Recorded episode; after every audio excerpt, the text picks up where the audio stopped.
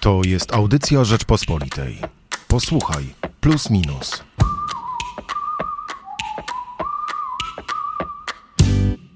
Tym razem w plusie minusie przyjrzeliśmy się mediom społecznościowym i algorytmom. Twitter, TikTok, Facebook.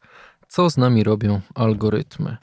Na pewno wielu naszych słuchaczy wie, że lubimy ten temat w magazynie Plus Minus. Po prostu uważamy, że jeżeli coś w tej chwili jest naprawdę warte przyglądaniu się, przyglądania się i wracania do tego, e, to właśnie zmiany technologiczne i to, jak one na nas wpływają, czyli trochę ten styk technologii i cywilizacji. Ja nazywam się Michał Płociński, a dzisiaj porozmawiam z człowiekiem, który no, z racji swojej funkcji musi dużo wiedzieć o algorytmach i o tym, co się dzieje, szczególnie w internecie. Cezary Szymanek, dzień dobry. Dzień dobry. Redaktor naczelny naszego portalu rp.pl, ale też rzeczpospolita.pl, bo tak też rozumiem, wejdziemy na nasz portal. Y, dokładnie y, tak. Y, I jeszcze jestem piątą kolumną w wydaniu gazetowym, czyli wicenaczelnym w papierze. No, spróbujmy połączyć w takim razie dzisiaj ten internet i e, papier, bo my się skupiliśmy głównie na mediach społecznościowych, no bo to one mają właśnie tą rolę filtrowania treści tak społecznościowo w debacie publicznej. To jest to, co nas interesuje, ale w ogóle chyba mm, moglibyśmy powiedzieć, że dzisiaj internet y, jest w takiej fazie mediów społecznościowych. Coś, co pojawiło się no już prawie 20 e, e, lat temu. Chyba nie wydawało się, że to będzie tak rewolucyjne, że przez 20 lat po prostu w tej fazie zostaniemy, bo wcześniej mam wrażenie, albo wyprowadź mnie z błędu, bo ja tych czasów e, tak dobrze nie pamiętam. Ja rozumiem, pijesz do mojego wieku, tak, ja pamiętam. pamiętam. To wszystko się super szybko zmieniało i były ciągle nowe rzeczy. Ten internet tak e, przeskakiwał, wiesz, z tych irców na fora, blogi, a potem media społecznościowe i bum, i to się zatrzymało trochę. E, zatrzymało się, jeżeli chodzi o, e, o formę, ale tam pod skórą dzieje się bardzo wiele, ale to w takim razie, skoro sięgnąłeś do, do przeszłości, w tym również i, i, i mojej, bo y, fakt faktycznie e, swoje pierwsze kroki e, internetowe stawiałem pod koniec lat 90., tworząc grupą mm, zapaleńców, w tym z Łukaszem Weichertem, serwis pod nazwą tenbit.pl, e, który był jednym, wtedy stał się dosyć szybko jednym z najpopularniejszych przestrzeni internetowych, tak to powiem, e, dla tych młodych, e, młodych odbiorców. Nawet mieliśmy emanację w postaci programu telewizyjnego na żywo na antenie TVN.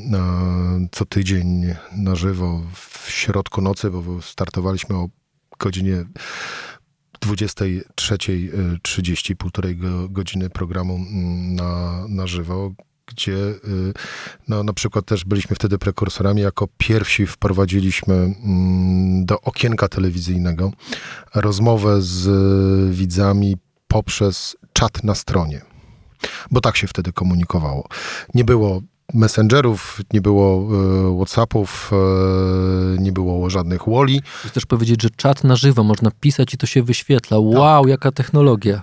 Tak, to prawda. Tak, ta, tak, to wtedy, tak to wtedy wyglądało. Był czat e, na żywo, czyli na przykład coś, co teraz właśnie znamy głównie z komunikatorów, no ale wtedy te, to narzędzie było podpięte po prostu pod strony internetowe i na danej stronie każdy z użytkowników mógł e, ów e, głos e, zabrać. I to, co jest najważniejsze,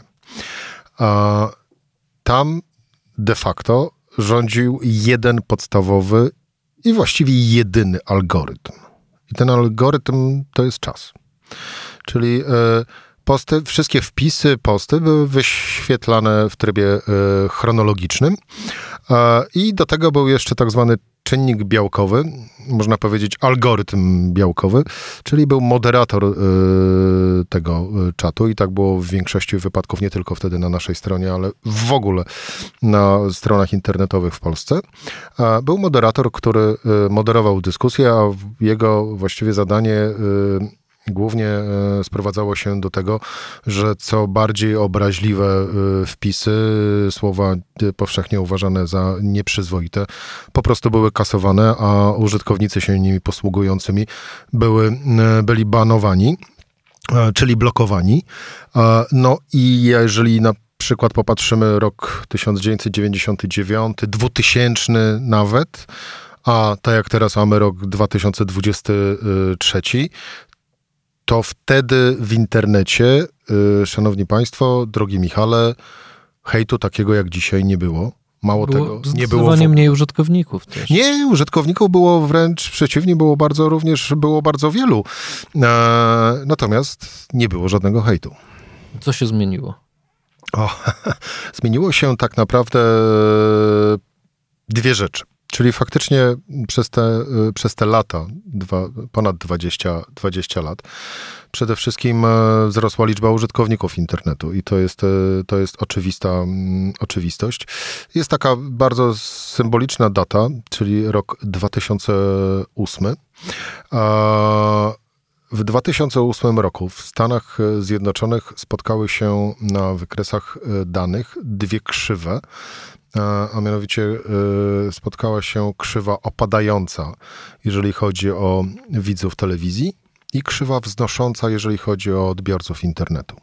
I od 2008 roku e, one coraz bardziej się już e, rozjeżdżały, także w chwili obecnej ta e, różnica między nimi, no to jest właściwie, właściwie przepaść. W 2008 roku z internetu na całym świecie korzystało już 47% e, jego mieszkańców. E, 10 lat wcześniej było to około 7-8%, 8%, więc też widzimy, jaki był skok w przeciągu zaledwie owych, owych 8 lat. Dzisiaj nie mamy wątpliwości, że to jest najważniejsze medium, albo jak niektórzy, nawet medioznawcy twierdzą, jedyne medium. Prawda, że to wszystkie inne tak naprawdę w tej chwili są uzależnione od internetu. No i tu bym trochę polemizował, mm, bo polemizowałbym z określaniem internetu jako medium, bo internet jest po prostu tylko i wyłącznie kanałem, kanałem dotarcia. E, I jest swego rodzaju e, drogą między jednym użytkownikiem a drugim, między e, twórcą treści a odbiorcą tych treści i w odwrotną stronę. Taką autostradą. Tyle tylko, że na tej autostradzie niestety mm, nie obowiązują żadne przepisy, e, czyli hulaj dusza piekła nie ma. Można jechać e, pod prąd i właściwie mało komu co się dzieje. Można jechać z zawrotną prędkością i również można powodować po drodze bardzo tragiczne e, wypadki i później krzyczeć, że samemu się jest ofiarą. Tu nawiązuje do wydarzeń z ostatnich e, dni. Nie trzeba chyba dokładnie ich e, opisywać. Są oczywiście wielcy na tej autostradzie, którzy jadą takimi potężnymi ciężarówkami, którzy próbują narzucić swoje własne reguły i swoje własne zasady, ale sobie tylko i wyłącznie y, znane. No i tu mam na myśli wielkich, jeżeli chodzi o e, media społecznościowe, czyli Facebook, Twitter. e, Oni trochę Instagram, ustalają zasady. YouTube, tak. I, I oni próbują na tej właśnie autostrad, na tej autostradzie, e, gdzie wszyscy my się poruszamy jako użytkownicy e, internetu, próbują te zasady narzucić z jednego prostego powodu, czyli żeby zarobić jak, e, jak najwięcej. No i jeszcze, bo mogą. Też. Mają takie możliwości pewnie też dlatego, że co zresztą mi w rozmowie w magazynie Plus Minus mówi Dominik Batorski, profesor Dominik Batorski, socjolog, no jeden z można by powiedzieć najważniejszych y, naukowców w polskim internecie, jeżeli chodzi o badanie, modelowanie i tak dalej. Pełna zgoda. On mówi, że nasze kompetencje algorytmiczne są niesamowicie niskie. To pokazują badania z różnych krajów, że użytkownicy często w ogóle nie zdają sobie sprawy z tego, że w mediach społecznościowych, a pewnie też szerzej w internecie, działają jakiekolwiek e, mechanizmy selekcji. No właśnie, ja nie bez powodu wspomniałem na samym początku, o- odwołując się do czasów e, nie tak odległej W tym przeszłości. wspaniałym moderatorze. O tym wspaniałym mod- moderatorze, jakim był e, moderator ludzki i o tym wspaniałym algorytmie, jakim e, był po prostu e, upływający e, czas. Ja nawet bym poszedł jeszcze dalej, że my nie, nie użyłbym określenia, że jesteśmy ubodzy, jeżeli chodzi o algorytmy i, i wiedzę. I ja bym użył określenia, że w zdecydowanej większości 95 5%, zaryzykuję nawet takie, takie podejście. Oni w ogóle nie mają żadnej świadomości i wiedzy, że w mediach społecznościowych, inaczej, w serwisach społecznościowych, to jest właśnie, to nie skończyłem tego wątku, bo zacząłem inną dy, dygresję a propos e, mediów. No tak, no skoro to nie medium, to nie nazywajmy ich mediami. Dokładnie, to są serwisy społecznościowe e, i 95% ich użytkowników, stawiam taką tezę, absolutnie nie zdaje sobie sprawy z tego, że wszystko, co się tam pokazuje, jest sterowane. E, I to, co oni oglądają na już swoich słynnych wallach, tudzież po prostu jak otworzą aplikację, czy to Facebooka, czy Instagramu, to to wszystko jest oparte na algorytmie, na sztucznej inteligencji, na badaniu ich e, zachowań, które tak naprawdę później kształtują z kolei ich, ich zachowania. Ludzie żyją w nieświadomości tego, że to nie jest prawdziwy świat, tylko to jest świat sterowany. Potem się dziwimy, dlaczego posty od jednych znajomych nam się w ogóle nie wyświetlają, od innych bardzo, ale, ale kompletnie nie rozumiemy, jak, co za tym stoi, prawda? Nie rozumiemy, ale to wiesz, nie trzeba daleko, y, daleko szukać. Y, ponad połowa Polaków nie rozumie jakie są podatki w Polsce i w ogóle, że płaci podatki, no więc... No więc może to jest dobry pomysł, który ma Unia Europejska, żeby wymusić na koncernach cyfrowych większą transparentność ich działania, większą transparentność algorytmów. To zawsze będzie walka yy, i to też trzeba zaznaczyć taka mała, yy, mała gwiazdka przy tym, przy tym zdaniu. Yy, walka, która głównie toczy się w Europie, bo tak naprawdę większość, większość ustawodawstwa, yy, które próbuje okiełznać wielkich świata cyfrowego, wychodziła i była tworzona w Unii Europejskiej mm, i te koncerny z kolei znowuż koncerny działające przede wszystkim mające swoje siedziby za wielką wodą, czyli albo w Stanach Zjednoczonych, albo tak jak w przypadku TikToka e, w Chinach, no tu już nie za wielką e, wodą, tylko za powiedzmy wielkim lądem, patrząc na wschód od nas. E, to głównie Unia Europejska chciała to wszystko y, porządkować, y, wychodząc z takiego założenia, że oddanie pola ludziom, którzy z kolei tworzą algorytmy, które to następnie są w stanie wpływać na światopogląd i punkt widzenia milionów ludzi, może doprowadzić cały świat do chaosu i anarchii. No bo wcześniej narzekano, i też możemy trochę we własne piersi jako dziennikarze się pobić, że ta władza dziennikarzy, redaktorów, jeżeli chodzi o filtrowanie treści, jest zbyt duża, że tak naprawdę nic e, do mainstreamu nie może się e, przebić, czego ten mainstream nie chce. Pewnie trochę tak w niektórych przypadkach było, bo rzeczywiście e, wydawcom, mediom zależało na głównie swoim interesie, też na pieniądzach, na tym, żeby po prostu mieć nad tym e, kontrolę. Tylko teraz my możemy na to patrzeć trochę z wyższością i mówić, no ale wtedy chociaż za to ktoś odpowiadał. Wtedy można było nie tylko pociągnąć do odpowiedzialności, ale to jakoś zmienić, wpływać na to. Można było jednak w jakiś sposób odkryć ten mechanizm i chociaż, nie wiem, założyć własną gazetę, prawda, czy wejść ze swoimi tematami jako partia e, polityczna. Dzisiaj Absolutnie nie wiemy, jak ta debata się kształtuje. Nie wiemy, kto odpowiada za filtrację tych treści, e, nie wiemy, w jaki sposób mielibyśmy na to e, wpływać. No, to już nie tylko, że możemy zostać zbanowani w mediach społecznościowych i nie mamy żadnej możliwości, żeby się skontaktować z tymi mediami, prawda? Jak na przykład jedna z polskich fundacji, która prowadziła pewną politykę, e, powiedzmy narkopolitykę, i, i, ale, ale takiej świadomości, narzucania świadomości w tej kwestii i do dzisiaj chyba nie do końca ta sprawa została rozwiązana, naprawdę po prostu zostali e, zbanowani, ale też nie jesteśmy w żaden sposób, jeżeli nie będziemy mieli jakichś nacisków odgórnych, tak, e, politycznych na te firmy e, wpływać. No, chyba do czego dążę, pęka jednak ten mit wolności internetu i ten mit takiego libertariańskiego świata, w którym wszyscy będziemy wolni i szczęśliwi. No jeżeli ktoś myślał, że ów, yy, Alternatywa, która, która miała być lepsza od mediów tradycyjnych, no chyba taka do końca nie jest, co? No, nie jest i nie będzie, bo tak naprawdę yy, mit, że danie ludziom stuprocentowej yy, wolności i że oni będą się sami kontrolować i przestrzegać zasad funkcjonowania w społecznościach, e, kontaktów międzyludzkich i że będą e, zachowywali się wobec innych tak samo, jak chcieliby, żeby inni się będą wobec nich zachowywać, to jest mit.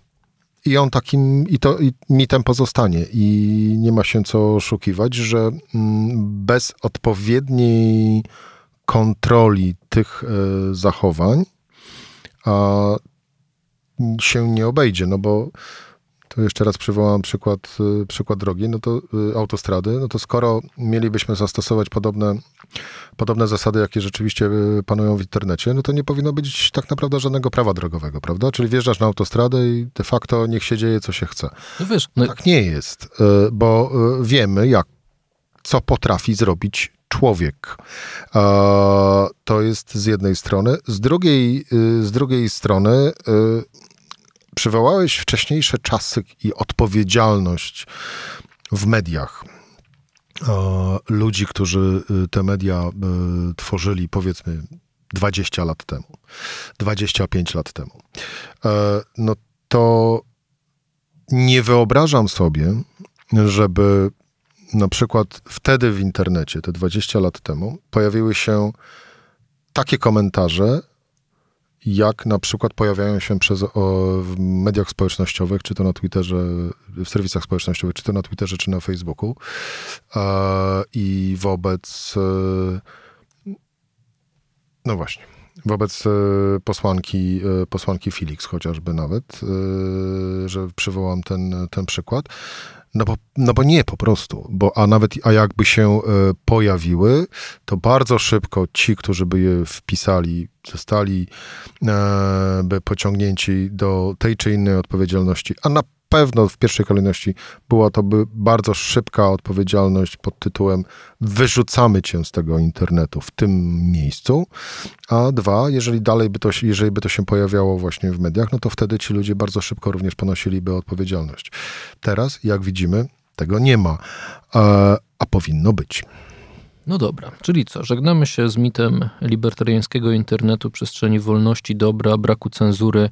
No, bo widzimy, że nawet jak nie ma cenzury, no to co z tego, że możesz sobie napisać jakąś prawdę o świecie, jak to nie wiadomo, czy komukolwiek z Twoich nawet znajomych na Facebooku się pojawi, prawda? Bo jest filtracja treści, więc to chyba nie w tej też e, cenzurze jest problem z ograniczeniem wolności e, e, słowa, a z drugiej strony, tak jak powiedziałeś, brak cenzury umożliwia no, najgorsze rzeczy rzeczy i wychodzi z człowieka ta najgorsza Ale jego natura, jeżeli chodzi o hejt. Tak, tyle tylko, że tutaj y, trochę się z tobą nie, nie zgodzę, a właściwie nie zgodzę się co do, y, co do doboru słów. No, bo ja bym nie mówił o cenzurze, bo cenzura to jest ma słowo, które ma dosyć negatywne zabarwienie i jest odbierane dosyć pejoratywnie.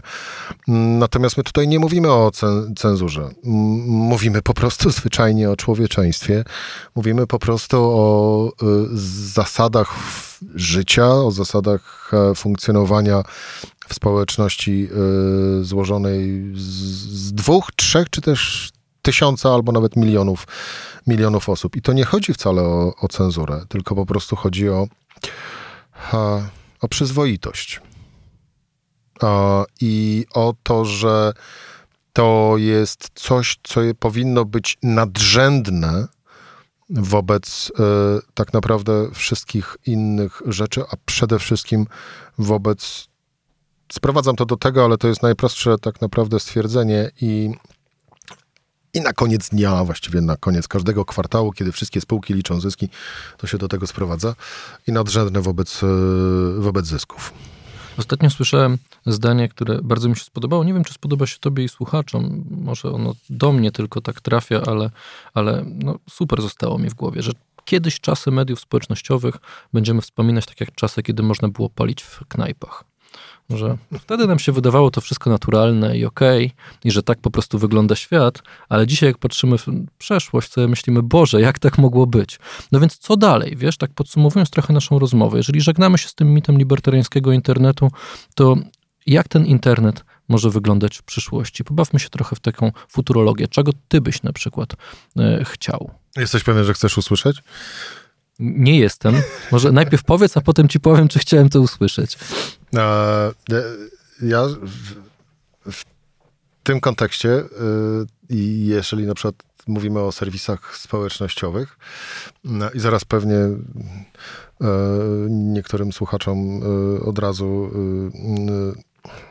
nasuną się na usta dosyć nieprzyzwoite słowa, ale y, ja bym na przykład był za tym, aby możliwość uczestniczenia w dyskusjach, w komentowaniu była połączona z pełną identyfikacją danych, czyli można byłoby sobie założyć konto na takim serwisie innym drugim, tylko i wyłącznie posługując się swoim dokumentem tożsamości, po to, żeby można było bardzo szybko zweryfikować i znaleźć danego osobnika, y, daną osobniczkę, jeżeli dopuściła się czynów, które na przykład w tym normalnym świecie, prawda, mm, e, nie wiem, realnym, bo trudno mi sobie wyobrazić, żeby e, ktoś na przykład na, na ulicy, widząc kogoś, e, krzyczał do niego, że zaraz cię zabije, albo wyzywał od najgorszych. Tutaj nie chcę mówić słów, bo nasz realizator Michał musiałby wprowadzić takie pik.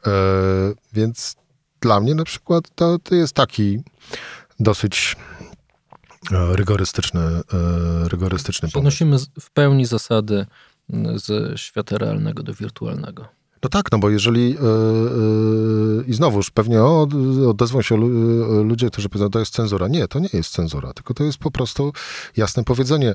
Chcesz kogoś krzywdzić, chcesz popełniać przestępstwa, no to bardzo proszę, pod imieniem i nazwiskiem, bo jeżeli to się robi w świecie realnym, no to i, i to robisz to w zwykle, no właśnie, stojąc z kimś twarzą w twarz, bądź też nawet wiedząc, jak się, e, jak się nazywa. E, I to, to w kontekście uczestniczenia w dyskusjach w mediach społecznościowych. Druga rzecz to z kolei, która y, no, mi by się powiedzmy, że marzyła, bo o wiele łatwiej jest o tym powiedzieć niż o tym, w którą stronę to wszystko, to wszystko pójdzie. Mm, a marzyłaby mi się z kolei y, rzecz powrotu do, do tego najlepszego algorytmu, czyli do, do czasu. I aby oczywiście Facebook, czy też na przykład Instagram, ale to głównie Facebook, ale chociaż ostatnio również Twitter, niby próbują udawać, że możesz przeglądać to, co tam masz na podstawie y, na przykład osób, które obserwujesz, bądź też y, na podstawie tak zwanych od najnowszych.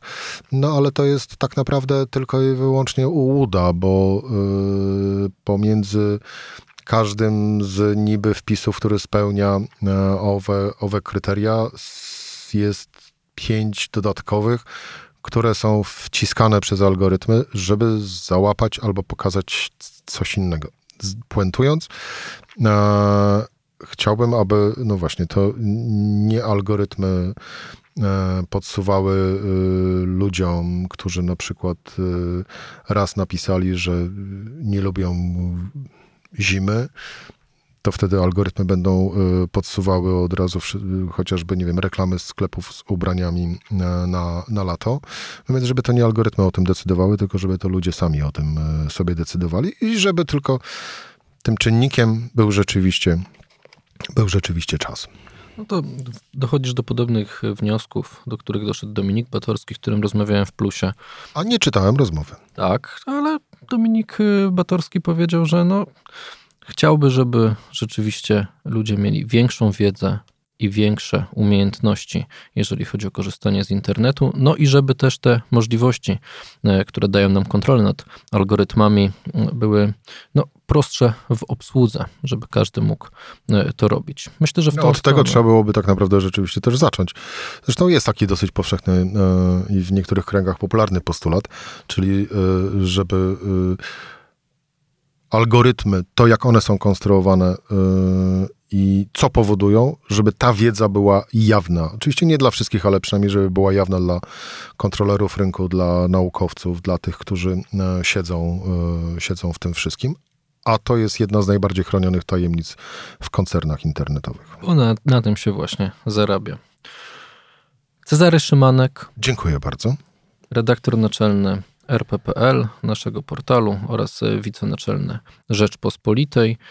A rozmawialiśmy o najnowszym wydaniu magazynu Plus Minus, a trochę może nawet nie o nim, tylko wprowadzamy po prostu tą rozmową e, Państwa w temat, jaki poruszyliśmy, a tak naprawdę jaki poruszyli nasi publicyści w najnowszym Plusie Minusie. To może jeszcze na koniec trzy teksty, parę słów o nich, e, bo rozpoczynamy od tekstu Olgierda Sroczyńskiego, który przygląda się temu, co ostatnio dzieje się e, na Twitterze ale też na Facebooku, który chciał stać się metą i metaversem, a chyba nie do końca mu to e, wychodzi. Dobro ludzkości w trybach Twittera i Olgierd Sroczyński.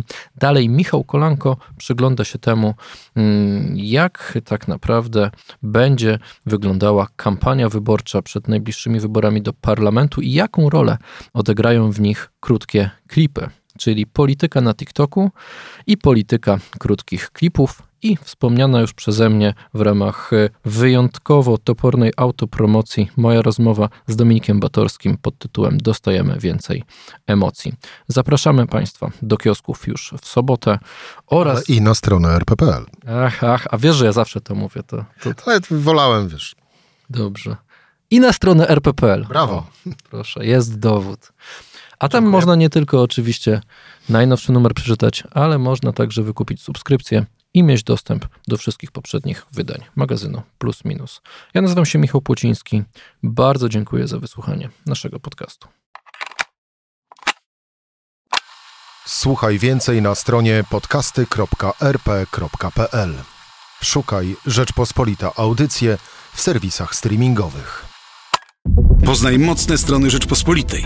Wejdź na prenumerata rp.pl. Polecam. Bogusław Rabota, redaktor naczelny.